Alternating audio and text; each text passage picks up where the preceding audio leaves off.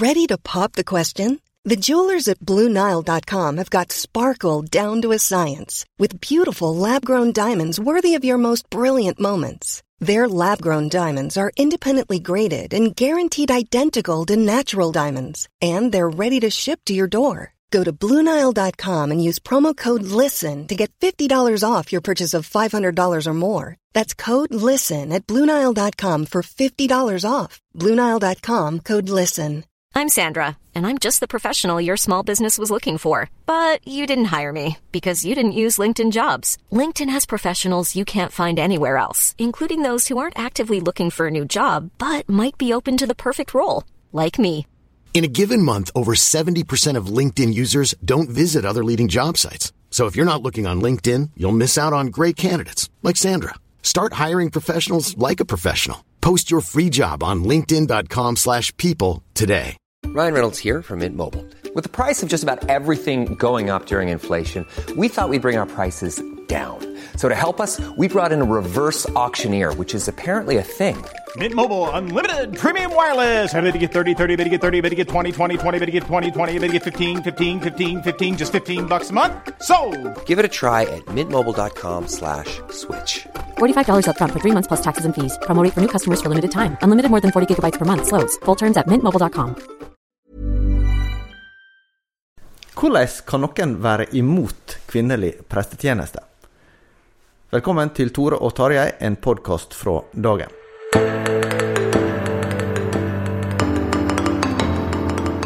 Tarjei Gilje og jeg, Tore Hjalmar Sævik, har bevega oss til Sandvikskirken i Bergen, Tarjei. Altså, Vi sitter på prestekontoret her og kan faktisk se det flotte høstværet ut gjennom vinduene i taket. Tenk det. Ja, det er jo eh, helt sjelden flott i Bergen når eh, det er en sånn gyllen høstdag som dette her, og ikke minst i Sandviken, vil jeg si. Nei, jeg aksepterer det. Og med oss her har vi eh, sokneprest Sverre Langeland.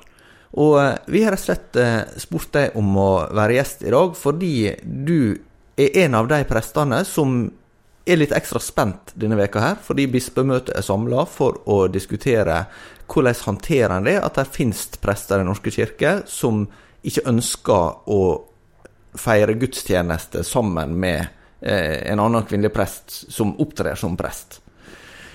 Og eh, bakgrunnen for dette her eh, er jo en sak som vi har skrevet en del om, Tarjei.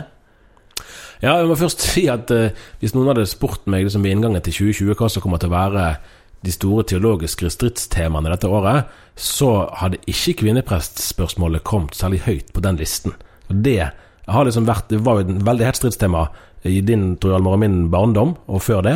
Ja, altså det, det begynte vi veldig sånn kort, så fikk jo Norge, Den norske kirke sin første, første kvinnelige prest i 1961. Ingrid Bjerkås. Eh, og eh, sin første kvinnelige biskop i 1993, Rosemarie Køhn. Ja. Eh, og, og en kan vel si at i det spennet mellom de to, så skjedde det veldig mye når det gjaldt eh, at, at kvinnelig prestetjeneste ble mer og mer akseptert. Men du Sverre Langeland er en av de som eh, har vært eh, stått for det som er kirka sitt gamle syn i det spørsmålet, at eh, prestetjeneste er forbeholdt menn. Og hva refleksjoner gjør du deg om at det, det spørsmålet Du snakket om det innledningsvis før vi begynte å ta opp her, at det, du syns begrunnelsen for å ha det synet du har, eh, veldig sjelden kommer fram. Ja, det er jo lett for å bli sånn, fordi at eh, bare det å argumentere for at, eh, at eh, prestetjenesten da er innstifta eh, av Herren sjøl, for at det er menn som skal ha den, og ikke kvinner, det er jo veldig provoserende. En ting er at det er tøft for de som er prester, kvinnene som er prester og ordinert i kirka, å få høre argumentasjon med at det ikke kan være det. Og kan oppleve at det liksom river grunnen under deres tjeneste. Um, og så er det jo da selvfølgelig likestillingsideologien som er veldig tydelig, og mange oppfatter det som, som et uh, skal vi si, angrep på, på likestillingsideologien i samfunnet. Da. Uh, så det gjør jo at det er, det er litt touchy å begynne å snakke om uh, argumentasjonen i det spørsmålet. Det hører jo med til historien også, at, at det er Mikael Brun, sogneprest i, i Sogndal, som har på en måte aktualisert saken ved at domprosten i, i Tromsø, Stig Legdene, eh, begynte å snakke om at man kanskje burde slutte å ordinere kvinneprestmotstander i Den norske kirke. Det har de slutta med i Sverige for en god stund siden. Og da var jo Brun sitt eh, spørsmål eh, om, om mister jeg jobben, helt enkelt. Han er jo en, en ganske ung mann. Det er så vidt da, Ja, rundt 30 år, så han var vel så vidt født når Rosemary Køhn ble ordinert. altså I hvert fall var han ganske ung på den tiden. Eh, og det er jo i den tiden det har vært en utvikling altså ganske tydelig at den, den retningen, det ståstedet han har, og som vel sammenfaller mye med ditt, Sverre, er blitt ganske marginalisert. Vet du forresten, det er jo nesten farlig å spørre om, hvor mange prester det er som er i aktiv tjeneste, som står for det som du står for?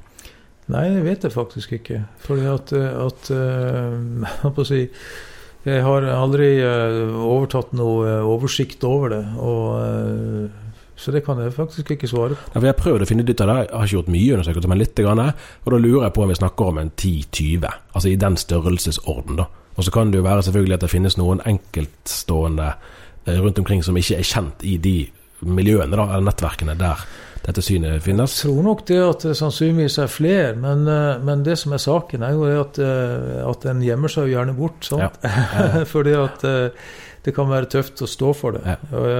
Så det er nok mange sånn i det, skjul, i det skjulte som har det som en overbevisning. Og så er det en forskjell på en del som, som har det som et primærstandpunkt, men så kan man velge ulike tilnærminger når det gjelder grad av pragmatisme, da, eller at man samarbeider likevel, kanskje på tross av sin overbevisning. og Dermed er det kanskje litt vanskelig å, å fastslå. Hvordan er det du sjøl har, har, altså Hvordan kommer ditt syn til uttrykk da, i din eh, arbeidshverdag? Jeg må nesten eh, kanskje fortelle litt eh, med bakgrunnen. fordi mm. at jeg, jeg, var jo eh, ordinert i 88. Og, så du jobba som prest i over 30 år? Ja, det har jeg. Og i 88, så på min ordinasjon, så ble jeg ordinert bl.a. sammen med en kvinne. Uh, uh, og det uh, Jeg hadde en litt spesiell vei inn i teologien. Jeg tok hovedfag i kristendomskunnskap, og så gikk jeg liksom ikke i det der teologiske miljøet.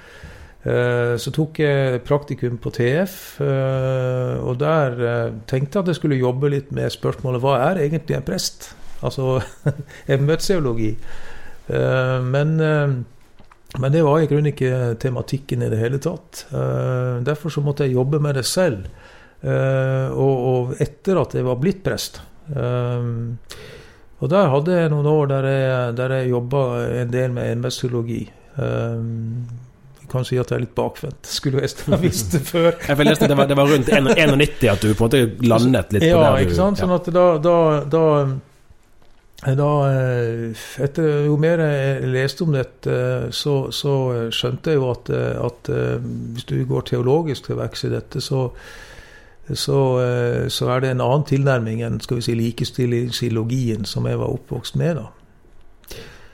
Uh, og så har jeg kirkesynet en del å si.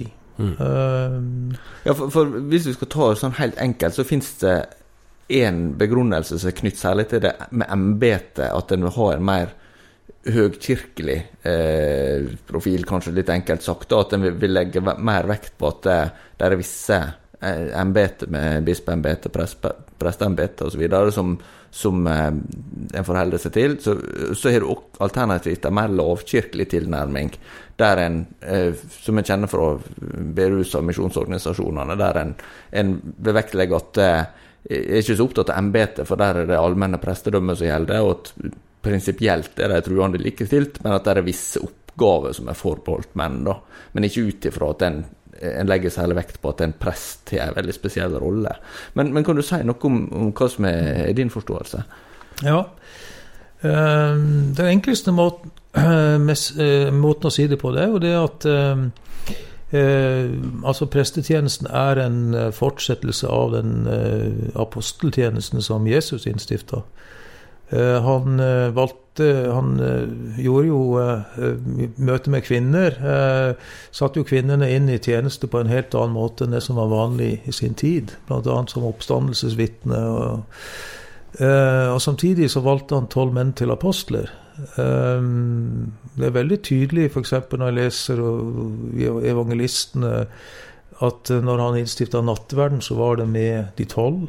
Um, Dåpsbefalingen og misjonsbefalingen uh, var gitt til de elleve, står det. Altså Det er gjort et poeng av at det var denne flokken som fikk oppgave å forvalte sakramentene og gå ut og, og, og forkynne. Og, eh, og, Jesus sier jo også til eh, Peter på denne klippet vil jeg bygge min kirke. Altså det er Jesus Kristus som bygger kirken. Uh, og, og uh, hvis det er slik at han ønsker, ønsker det på den måten, uh, så er det på en måte selve primære inngangen til det. så er jo disse tekstene som Paulus snakker om, både underordning og, og i forbindelse med tale og sånn, hvis du forstår det sammen, som du skal jo gjøre ikke sant? Skriften er sin egen fortolker, du skal forstå teksten i sammenheng. Eh, så mener jeg å se en, en, et hyrde- og læreembete med forkynnelse og sakramentforvaltning som er innstifta av Jesus sjøl, um, og som skal representere Kristus uh, for menigheten. Um, altså Han sier jo at, at um, vet du, Tradisjonelt så har man tenkt at forkynnelse det er liksom å levere en pakke. Her får du liksom evangeliet. Her er en pakke som jeg gir til deg. Men, men uh, oppdraget er jo å gjøre folk til disipler og innlemme folk i en kirke. Og kirken skal avspeile eh, noe himmelsk. Um, derfor så er også teksten fra skapelsesfortellingen. Gud skapte mennesket sitt bilde. Til mann og kvinne skapte han, er Guds bilde skapte han. Uh, som jo på en måte tas opp ikke sant, i forhold til uh, forholdet mellom mann og kvinne i ekteskapet, i Efeserne 5. Uh, der, der forholdet mellom Kristus og kirken da skal altså Forholdet mellom mann og kvinne skal avspeile forholdet mellom mm. Kristus og kirken. Så det har på en måte med både skapelsen og inkarnasjonen og uh, dette at uh, Kristus er mann uh, For å si det litt sånn populært, så kunne man si når du skal ha en skuespiller for å spille Per Gynt, velger du da en kvinne eller mann? hvis du skal ha Hvis Kristus sender en for å representere han, eh, så har han altså valgt en mann til den rollen. Eh, det betyr ikke at ikke kvinner er viktige. Eh, absolutt trengs tjenesten. Og rundt Kristus var det jo, og, og disiplene var det jo masse, masse kvinner. Og egentlig så burde vi ha løfta de fram på en helt annen måte enn vi gjør. Ja, for, for, for en av innvendingene vil jo være at eh, det har vært veldig mye mannsdominans i samfunnet, og også i kirka. Og at eh, det, det, har vært eh, lite rom for kvinner til å, til å utfolde seg og, og, og, bidra med det de har å, bidra med. Hvordan møter de sånn innvending? Jo, altså det, det, det, tror jeg du har rett i. Og, og eh, så er jo spørsmålet hva er det som kommer av eh, skal vi si, tradisjoner og kulturer og sånn, eh, og hva er det som er eh, skal vi si, ligger i en kirkelig tenkning rundt dette. Jeg mener at når du, når du snakker om f.eks. denne tekst, spennende, veldig spennende teksten fra Efeserbrevet 5 uh, om underordning, så har vi jo egentlig glemt hva som blir sagt til mannen. Det står at mannen skal elske sin hustru som Kristus eh, elsket kirken og ga sitt liv for den. Eh, og da er det plutselig tjenesteaspektet som er hovedpoenget i den teksten. Ikke, ikke, ikke, over og under, som vi ofte har tenkt, men tjeneste. Og, og, og det å forstå prestetjenesten som en tjeneste, først og fremst, uh, og ikke som en, en, en uh, skal vi si, maktposisjon. tror jeg er veldig viktig tilnærming. Der, der har det vært gjort mye, mye uklokt opp igjennom mm. argumentasjon også, tror jeg. Det, har det noen relevans, tenker du, i forståelsen av altså, bibeltekstene opp mot vår egen tid? At det ble til i et samfunn der åpenbart utdanningsnivået var helt annerledes for alle, men ikke minst eh, at da, var eh, kvinner var ikke del av måte, det som man hadde av utdanningsmiljøer på samme måten der som, som, de er i dag. Altså for Hvis man skal prøve å finne en sånn rasjonell begrunnelse for uh, skriftstedene, så er det en annen oppgave i dag enn den gangen. Der er etter hvert kanskje det flertall av kvinnelige teologistudenter. Eh, sant? Og, og, og vil man da f.eks. hevde at eh, altså Det skal godt gjøres å finne en definisjon på at en mannlig teologistudent per definisjon er en bedre teolog enn en kvinnelig Mm. teologistudent. Skal, men, men du begynner jo samtalen et annet sted, egentlig, enn det. Ja, det, det, det gjør jeg. Fordi at, eh, at um, Jeg tror altså det at, eh, at eh, jeg på å si kirkes kall da, eh, er å avspeile eh, himmelen. Vi skal Mm. på en måte være himmelen, eh, bildet av himmelen på jorden. Eh, Det syns jeg er veldig tydelig når det er at jeg snakker om ekteskapet. Men jeg tror det også er sånn med kirken. Um, altså De ortodokse sier om presten at presten er et Kristus-ikon. Mm. I sin tenkning så, så er det mye av det samme som ligger i det at, eh, at hvis, eh, eh, hvis Kristus sender eh, eh, ut eh, apostlene for å representere han i, eh, i verden, i kirken, eh, så, så, så har han altså valgt menn til det. Sånn som vi valger en mann til å spille Per Gynt. Mm. Eh, på, på Gynt, eh, sånn som Ibsen skrev, han var en mann, og Kristus var jo mann. Eh, det som er litt av problemet i vår protestantiske tankegang, er jo det at eh, vi har mista Maria i, eh, som, som et bilde på, på kirken. Og derfor så har vi fått en sånn, skal vi si ikke minst i eh, protestantisk eh, luthersk tradisjon, en veldig sånn mannsdominans eh, i kirken. Der det feminine skal vi si, aspektet, da, som jo på en måte er kirken. Maria, Eva, Mm. kirken som mor, har, har, eh, har forsvunnet bort. da, Fordi at vi har vært så redd for å snakke om Maria. Men, men eh, hvordan vil du da tenke at kvinna sin plass burde være i, i kirka? Hvis, hvis du skal sånn kort tegne opp eh, hvordan du ser for deg praksis av rollefordeling? Altså Hvis du ser rundt i, eh, i de fleste menigheter, så vil du se at, eh, at det det ofte er et flertall av kvinner. Eh, Så jeg tror at det finnes veldig veldig mange kvinner rundt omkring som gjør en eh, helt uvurderlig eh, tjeneste i kirken. Men hvis du har det for deg at, at vi skal jakte etter de mest synlige embetene, så har du en annen type tenk tenkning enn en tjenestetanken. Hvis du tenker tjenestetanken, og, og at prestetjenesten er en tjeneste, først og fremst, så, så, eh, så er det jo på en måte ikke så viktig eh, hva som er mest eh, synlig. F.eks. så kan du jo si at eh, ofte så har prestekoner opp gjennom tradisjonen i lutherske sammenhenger vært vel så viktig som presten. Eh, de har tatt imot folk til sjelesorgsamtaler, de har eh, de har uh, hatt et hjem som har vært åpen for, uh, for, for alle. Al altså, eh, det finnes masse kvinner opp igjennom, men når du ser historien, så er det de på en måte synlige skikkelsen du ser.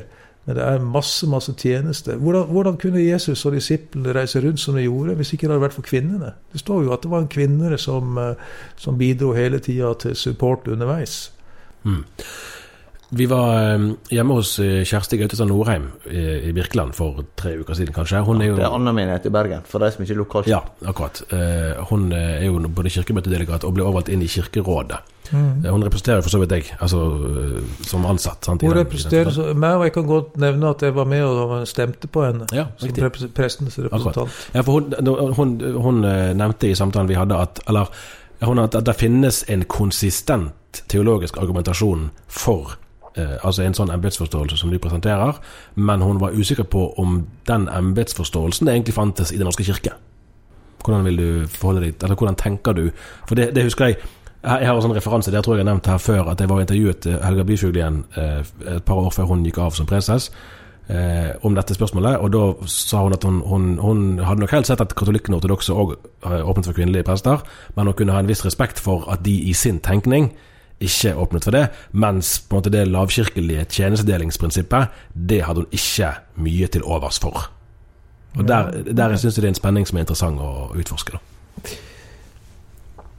Ja, eh, at den ikke finnes i Den norske kirke, det vil jeg jo da eh, sterkt eh, ja. ja, du finnes jo, for å det si det sånn. Eh, men eh, men eh, vi kan jo si da, sånn at det har vært en mangel på teologisk eh, Skal vi si eh, utdanning på dette feltet. Og, og, eh, og jeg har ikke brukt prekestolen heller for å forkynne eh, og undervise om presteembetet i, forhold til dette. Fordi at, at jeg opplever det at, at det, det oppleves som å fremme meg selv og på en måte på bekostning av kvinner. Det er vanskelig å gjøre det. Eh, og jeg opplever også det at, eh, at det er vanskelig å føre en teologisk debatt. Det er ikke så veldig mange som er åpen for det. Mm. Jeg tror ikke det er et ønske om å gå inn i den teologiske debatten her. Og Derfor så har Den norske kirke fått en mangel på embetsteologi. Eh, Du hører jo eh, folk som nå har uttalt seg på vegne av Den norske kirke, snakker om likestillingslover og lover i arbeidslivet og osv. Mens, eh, mens altså teologiske argumenter har jo eh, knapt nok vært Hvordan, hvordan oppfatter du akkurat det? For jeg tror du har rett i det at det er Altså De bibeltekstene som du har vist til, er sjelden fremme som argumenter i debatten, i den grad den finner sted. Ja, altså, som sagt, debatten finner omtrent ikke sted fordi at den er så vanskelig å føre. Um, og, ehm, og veldig mange av de som eh, står på det samme som meg, er jo forlatt Den norske kirke. Mm. For de har eh, funnet ut at eh, deres skal vi si, Sånn som vi ser på Kirken og, og presteembetet Kirkesynet er jo for så vidt viktig her. Mm. Det kan jeg også nevne. fordi at hvis du skal innføre noe nytt i Kirken, så må du ha veldig sterke argumenter for det. Eh, når jeg da begynte å se hvordan dette ble innført i Den norske kirke, med en biskop som mot alle de andre tok saken i e- egne hender Mm. Ja, det var jo veldig sterke reaksjoner fra de andre biskopene. Ja, det var jo politisk styrt. Det var Ja. polit politikerne som eh, ville ha dette. Det var politikerne som utnevnte biskoper. Eh, de fleste biskopene var uenige, men, men eh, Schjelderup gjorde dette. Eh, så det var ikke noe kirkelig eh, debatt rundt, eh, rundt forståelsen av prestetjenesten som, eh, som forårsaket dette. Jeg mener at hvis du skal innføre noe nytt i kirken, og bryte med en apostolisk tradisjon som går helt tilbake til Jesu tid, Mm. så må du ha veldig sterke argumenter for å gjøre det. Og jeg har altså ikke sett noen argumenter som er, etter min mening er sterkt nok. Så det at du har med kirkesyn å gjøre. Men eh, avspeiler dette også noe av, av endringer i presteroller? For jeg husker eh, jeg så tittel på en artikkel som Oskar Skarshaug, Mongori, professor i kirkehistorie på, på MF, skrev en del år siden om, om presterolla. Da. Den hadde tittelen 'Fra eh, hyrde- og lærerembete til trøste- og bæreembete'. At, at prestens prester sin funksjon og, og en kan også da spørre eh, om det blir mer en sånn et ledd i velferdsstaten på et vis, eh, enn at det er et kirkelig embete. Mm, det, det tror jeg du har helt rett i. Uh, det var vel deres gamle uh, redaktør, som Arthur Berg, som sa at han var mot uh, Han sa at han var mot kvinnelige prester av begge kjønn. Eh, og, og, og på det så, men, så mente han nok også at eh, at det er på en måte en, en, en, en, forskyvning av, eller, av aks, aksentueringen av hva, hva presten er. Eh, jeg tror det var helt rett. Eh, så det, det tror jeg ikke bare har med de kvinnelige prestene å gjøre, men jeg tror også det har med de mannlige å gjøre. Men At, eh, opple opplever du det personlig vanskelig på et relasjonsnivå? For mange vil jo si at vi har jo en sånn flott kvinnelig prest, og hun har vært til en sånn velsignelse i vår menighet, og hun er andre side enn det en mann har hatt, og så, så opplever måte at dette her eh, har gjort oss veldig godt. Hvordan, hvordan tenker du om det? Da tenker jeg det at det er veldig mange dyktige kvinner i kirken, og det er jeg veldig glad for. Eh, Det er bare så synd at ikke kirken har gitt eh, kvinnene eh, muligheten for å tjene i en, i en rolle som, der de har på en måte sendelse fra Herren selv. For jeg mener det at, eh, at den, for å være prest så må du gå i en sendelse fra Kristus selv på vegne av ham. Uh, og der har altså uh, prestetjenesten uh, fått det. Den norske kirke sier jo det at de ordinerer og de sender, men jeg mener altså at ikke de har, de har et, et mandat fra mm. Kristus selv til å gjøre det. Så mitt problem først og fremst, det er jo ikke kvinnelige prestene, det er biskopene. Det er det som er det, det, som er det største problemet i Den norske kirke. En hadde jo fram til eh, ja, rundt midt på 90-tallet så hadde en prester i norske kirke som, som eh, ikke ordinerte eh, kvinner til tjeneste. Men somme vil jo si nå at nå hele bispekollegiet gått inn for kvinnelig prestetjeneste. En har hatt ordninga i to generasjoner, egentlig. Hva forventninger tenker du det er rimelig at ut fra den virkelighets... Eller den, den situasjonen som er, da hva tenker du liksom at Kirka burde eh, gjøre for å komme i møte de som har din overbevisning? Altså, hvis, hvis, vi ønsker å finne ut uh, hvordan Kristus vil bygge sin kirke, da kan vi begynne å snakke mer lavmælt sammen. Uten at vi uh, skal forsvare våre posisjoner. Eh, men eh, både åpne Bibelen og, og prøve å forstå eh, den, den underfulle kirken som egentlig Kristus bygger, og, og forstå vår plass og vår rolle i den så vil samtalen bli en helt annen enn den som føres i dag. Men jeg må jo nok si at jeg er litt i tvil om det er ønske om det fra ledelsen i Den norske kirkes side. Mm. Eh, vi prøver å, å, å, konkretisere enda litt mer embetsforståelsen. For én ting er jo det å, sant, å være liturg i en gudstjeneste. Der er jo liturgien skrevet på forhånd. Eh, å forvalte nattverd, der er i utgangspunktet liturgien skrevet på forhånd. Eh, og man kan i den representasjonstenkningen, da Kristus er mann, presten er mann, så er jo det, det er et spørsmål om biologi eh, mer enn om rasjonalitet eller kompetanse. Eh, hvordan vil du da Altså, en, en kvinnelig teolog da, som har doktorgrad og er professor i teologi, mm. eh, hvordan kan hennes kompetanse på den aller beste måten komme til nytte i kirken? Ja, altså jeg mener jo at, eh, at uh, undervisning er veldig viktig i, kirken. Uh, men jeg mener altså at det fins et, et Eh, ja, vi kan kalle det for et hyrde- og lærerembete, som du mm. var inne på. Uh, og det er på en måte uh, Det handler om, om, om, å skal vi si, bestemme hva som er Kirkens lære i overensstemmelse med apostol, det apostoliske læren som vi har fått overdratt. men jeg mener at, at undervisning, vitnetjeneste jeg er ikke imot kvinnelige kateketer, for å si det mm. sånn. Eller diakoner. Mm. Uh, altså jeg, jeg, mener at, at eh, Kirka kunne tilrettelagt for kvinnelig, kvinnelig tjeneste på en helt annen måte. Uh, men, uh, men det er på en måte prestetjenesten har uh, mista litt av på en måte sin, sin plass og, i, i, i, i Den norske kirke. Det har blitt uh, og det har blitt for, eh, for mye prestes, prestefokus. eh, mm. Etter min mening, da. Nå som vi har snakket om at bispemøtet er samlet eh, denne uken, og, og, og i utgangspunktet overraskende nok, da, så er kvinneprestspørsmålet kommet høyt på dagsordenen. Det er ventet en uttalelse. Eh, sånn som du nevnte, at I Sverige ordinerer man ikke eh, kvinneprestmotstandere. Det gjør man jo i Norge. Og et av spørsmålene er jo om man vil fortsette å gjøre det. Det er mitt inntrykk at de kommer til å fortsette med. Eh, så har det vært, vært spørsmål om, om, dette med altså Ikke samarbeid i generell forstand, for det har jo du òg, men, men eh, altså liturgisk samarbeid. da, eh, Hva slags begrensninger blir det for det?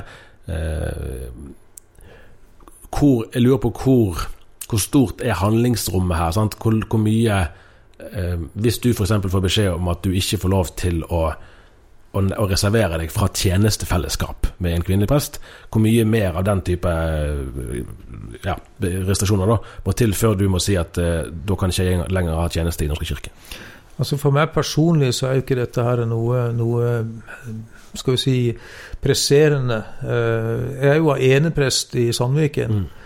Eh, så det tror jeg det er vel 25 år siden jeg var eh, fungerende prost i Ofoten, at jeg ble innkalt til en, eh, til en bispeordinasjon i, i, i Sør-Rogaland. Eh, Der jeg sendte et brev og sa at brukte da kjørereglene. Mm, ja. Som vi ikke har Ja, snakket om lager kjøreregler sant, for å imøtekomme begge. De, Ja. de, eh, som, som, som grunn for at jeg ikke ville være med på det um, um, Jeg syns jo at de kjørereglene har vært eh, viktig fordi at de har gitt en legitimitet Mm. til det jeg står for, og sagt at dette er innafor. Ja, De kom vel seint på 70-tallet, stemmer ikke det? De kjørereglene, så vidt jeg husker. Ja, det var på 70-tallet Ja. iallfall en eller annen gang. Jeg lurer på om det er 73 eller, eller noe sånt. Mm. Eh, men, men, eh, men poenget er det at eh, jeg ser svakhetene med det. Eh, svakheten med kjørereglene er jo at en får inntrykk av det at en, en, en, en på en måte vil gjøre noen aksjon mot kvinnelige prester. Og sånt. Og det er ikke det, det det det handler om for min del. Det handler om det at, eh, at når, når biskopene våre innfører en, en, en, eh, en praksis som jeg mener er eh, uapostolisk, så er det jo mitt problem først og fremst å forholde meg til biskopene som andre ledere i kirken. Eh, Men så er det spørsmålet hvordan skal jeg overleve? Hvor- Hvordan skal jeg fortsette min Mm. tjeneste? Eller skal jeg trekke meg ut? Eh, Ja, jeg har fortsatt tjenesten fordi at Kirken har sagt at de ønsker meg eh, der.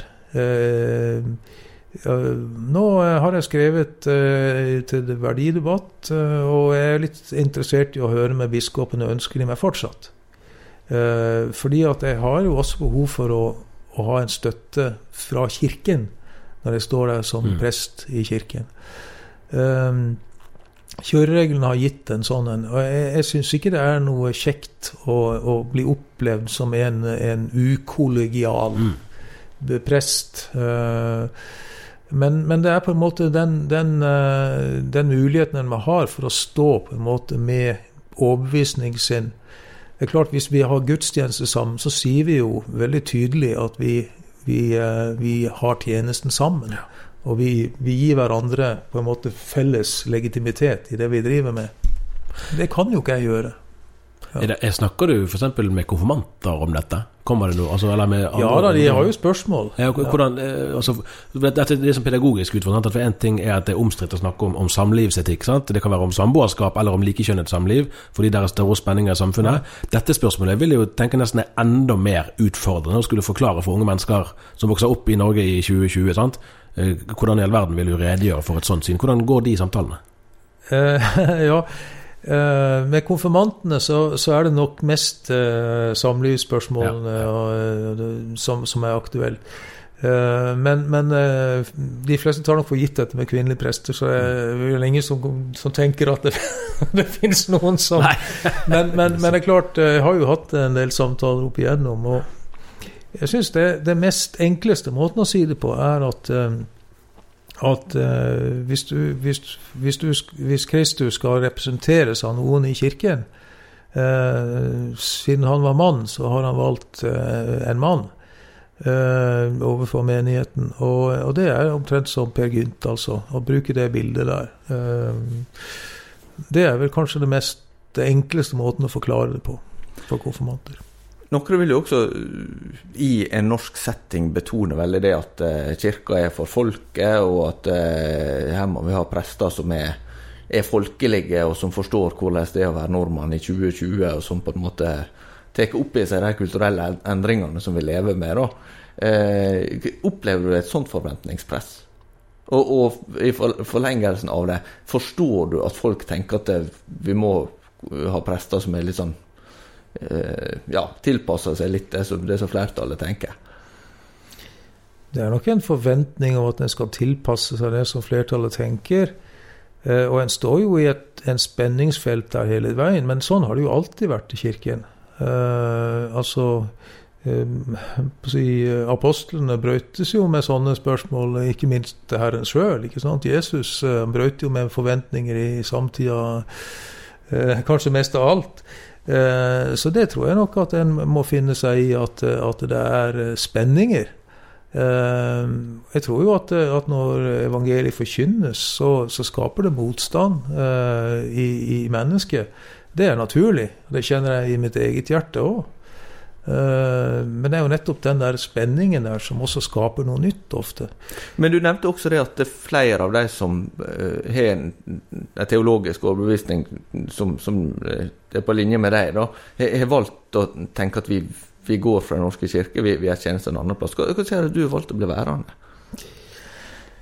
Det er jo Grunnen til det er jo det at kirke delvis har Kirka sagt at de ønsker meg, og at jeg ser at det er behov for, for min tjeneste. Og, og at eh, som sagt disse kjørereglene har skapt en måte å overleve på i kirken. Eh, så har jeg jo også valgt å ikke søke f.eks. stillinger som prost og andre ting. Eh, for det hadde vært veldig, veldig vanskelig å skulle være leder for, for noen. å kunne Hvis de f.eks. innfører altså ordinasjonsnekt, sånn at du ikke ville kunne blitt ordinert i dag, for å si det sånn, vil det får konsekvenser eh, for deg òg? Eller for den saks skyld, vil du anbefale Mikael Brun og hans like å bli værende, eventuelt for de som er litt yngre og holder på å studere, og søke seg til Den norske kirke, dersom man eh, får en sånn linje? da? Alle, alle som, jeg har, som jeg har snakka med, som har prestekall, og som har spurt meg, har jeg nok sagt at du kommer til å få det tøft mm. hvis du skal stå for dette i Den norske kirke. Og, og, og det, det, det, er, en del som jeg har fortalt dette til, at du kommer til å få motstand. Og ikke minst i forhold til dette med, med spørsmålet om, om kvinner kan være prester. Uh, men, men, det er klart at, at uh, hvis det blir ordinasjonsnekt uh, I praksis så blir det ikke kalt det. Det blir det at, at det skal obligatorisk være en kvinnelig prest med på alle ordinasjoner. Mm. Men, men, men, hvis det blir det, som jeg, jeg ser på som ordinasjonsnekt, eh, så er det jo eh, et veldig tydelig signal om at det ikke er ønska i Den norske kirke. Sånn som jeg ser det. Hva gjør du da? Eller hva vil du anbefale at andre gjør da? Nei, jeg, jeg, jeg, hver enkelt må føle sin vei. Det blir, det blir, mer som et beger som blir fullt. Mm. Uh, og så er, kommer det en liten dråpe til, og så renner det over. men, de litt, men, uh, men det, er, det, er, det, er, det, er, mer enn en liten dråpe, for å si det sånn, i begeret. Dette, ja, dette, dette, er jo et viktig spørsmål for deg. sant? Altså, ja. Det hadde vært lettere hvis det var på en måte et spørsmål som har større betydning, nei, mindre betydning. Da kunne man leve med uenigheten. her handler det om selve forståelsen av hva Kirken er for noe, og dermed oppfatter jeg at dette, dette betyr en god del? Ja, det, det, betyr, det, betyr, mye for meg. Det gjør det. Og, og, eh, men jeg, ikke, jeg, vil ikke sitte her på lufta og, og, og fortelle eh, jeg, jeg, har min fokus på at jeg skal fullføre tjenesten mm. så sant jeg kan. Ja. Eh, jeg tenkte å nevne det for de som er litt eh, interessert i nær kirkehistorie. At du var jo en av fire prester som i var det 2008 eller noe sånt eh, kom med et dokument som heter eh, prestegruppe som ble kalt Karissimi, som mm. ba om alternative tilsynsordninger i Den norske kirke. Det var jo med utgangspunkt i at det ble innført eh, eller var på vei eh, ny lære om, om samliv og etter hvert ekteskap, som kom eh, knapt ti år senere med ny liturgi. Um, men så vil jo noen spørre hvor eh, lenge kan det gå før, før det ikke er det rommet som, som en trenger for, ja, for, for å ha eh, de overbevisning. Da. Hvordan tenker du om det sjøl? Jeg tenker jo det at rommet begynner å bli ganske lite nå.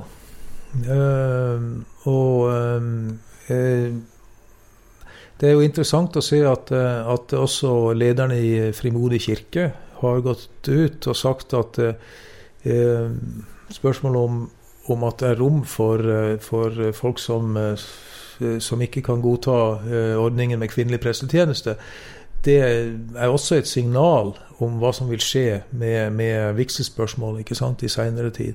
Sånn at, at, det er ganske mange som står sammen og, og ser at vi, vi, vi må Uh, vi må vise tydelig at vi er i denne kirka fortsatt. Vi ønsker å være der, vi er en del av den. Vi som ønsker at Bibelen skal være en høyeste autoritet i kirken. Og at vi, vi ønsker at kirken skal, skal, stå i en apostolisk tradisjon. Uh, uh, og vi, vi Så, så, så det, vi kjemper for det rommet fortsatt, da. det gjør vi. Nå, nå, stiller jeg et spørsmål som vi kanskje vanligvis hadde stilt etter at vi hadde satt av opptaket, for da kan vi jo noen ganger snakke litt friere. Men nå prøver jeg, så får du se hvor mye du vil svare på dette. Ja. Eh, er den lutherske plattformen i 2020, ikke Martin Luther opprinnelig, men den lutherske plattformen i 2020, er den egentlig sterk nok til å romme din og mange sin embetsforståelse, eller er realiteten her at skal man kunne opprettholde en sånn embetssyn, så må man egentlig konvertere? Jeg mener at, eh, at embetssynet det, er, det er, eh, er, luthersk, og i, i, den forstand at eh, hele forståelsen av, av reformasjonen Da er det på Confessia Augustana-planet, der nettopp poenget var å ta vare på den troen som var overgitt med Kristus og apostlene. De vendte seg mot katolikkene, som innførte nye ordninger som mm. ikke hadde dekning i skrift og bekjennelse. Den måten å tenke på om Kirken, den står jeg for. Uh, jeg ser på, på, på det som Den norske kirke, biskoper, har, har gjort med kvinneprestspørsmålet, og enda verre med, med, med, med ekteskapet. Eh, som noe parallelt, som det paven gjorde i ja. kirken. De innførte noe nytt i kirken som ikke hadde støtte i skrift og bekjennelse. Der står jeg på en eh, evangelisk, luthersk plattform og tenker slik om kirken som reformatorene gjorde. Dette er veldig interessant. Her kunne vi ha snakka lenger, men vi prøver å holde oss nesten iallfall innafor formatet. Ja, det er viktig at ikke episodene varer så lenge at man må liksom sette av lange tider for å høre på dem. Nei, men vi vil allerede nå si at neste uke kommer til planen episode nummer 100 Tenk det. fra Tore og Tarjei. Sånn er det blitt. Så det, det gleder vi oss over. Ja. Og gleder vi oss til. Ja, det gjør vi. Takk til eh, Sverre Langland for at du eh, stilte opp i dag. Takk for oss. Og så eh, ønsker vi alle lyttere en god uke videre. det blir spennende å se hva bispemøtet kommer frem til. Ja, Det kan en lese om på dagen.no, eller også i papiravisa. Fredag og lørdag. Ja. Lykke til med 100-årsjubileet. Ja, 100-årsjubileet, det var i fjor. Ja. 100 episoders-jubileet. Ja, ja, ja. det er helt, helt fint. Vi høres igjen. Ha det, det godt. Takk, takk.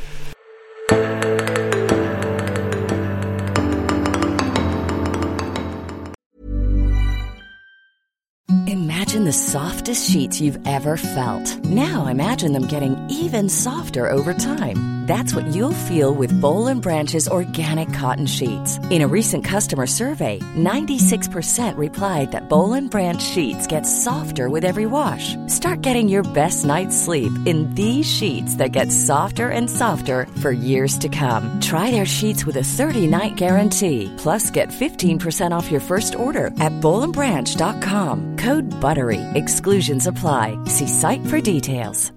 Hi, I'm Daniel, founder of Pretty Litter. Cats and cat owners deserve better than any old-fashioned litter. That's why I teamed up with scientists and veterinarians to create Pretty Litter. Its innovative crystal formula has superior odor control and weighs up to 80% less than clay litter. Pretty Litter even monitors health by changing colors to help detect early signs of potential illness. It's the world's smartest kitty litter. Go to prettylitter.com and use code ACAST for 20% off your first order and a free cat toy. Terms and conditions apply. See site for details. Planning for your next trip? Elevate your travel style with Quince. Quince has all the jet setting essentials you'll want for your next getaway, like European linen, premium luggage options, buttery soft Italian leather bags, and so much more and is all priced at 50 to 80% less than similar brands. Plus, Quince only works with factories that use safe and ethical manufacturing practices. Pack your bags with high-quality essentials you'll be wearing for vacations to come with Quince. Go to quince.com/pack for free shipping and 365-day returns.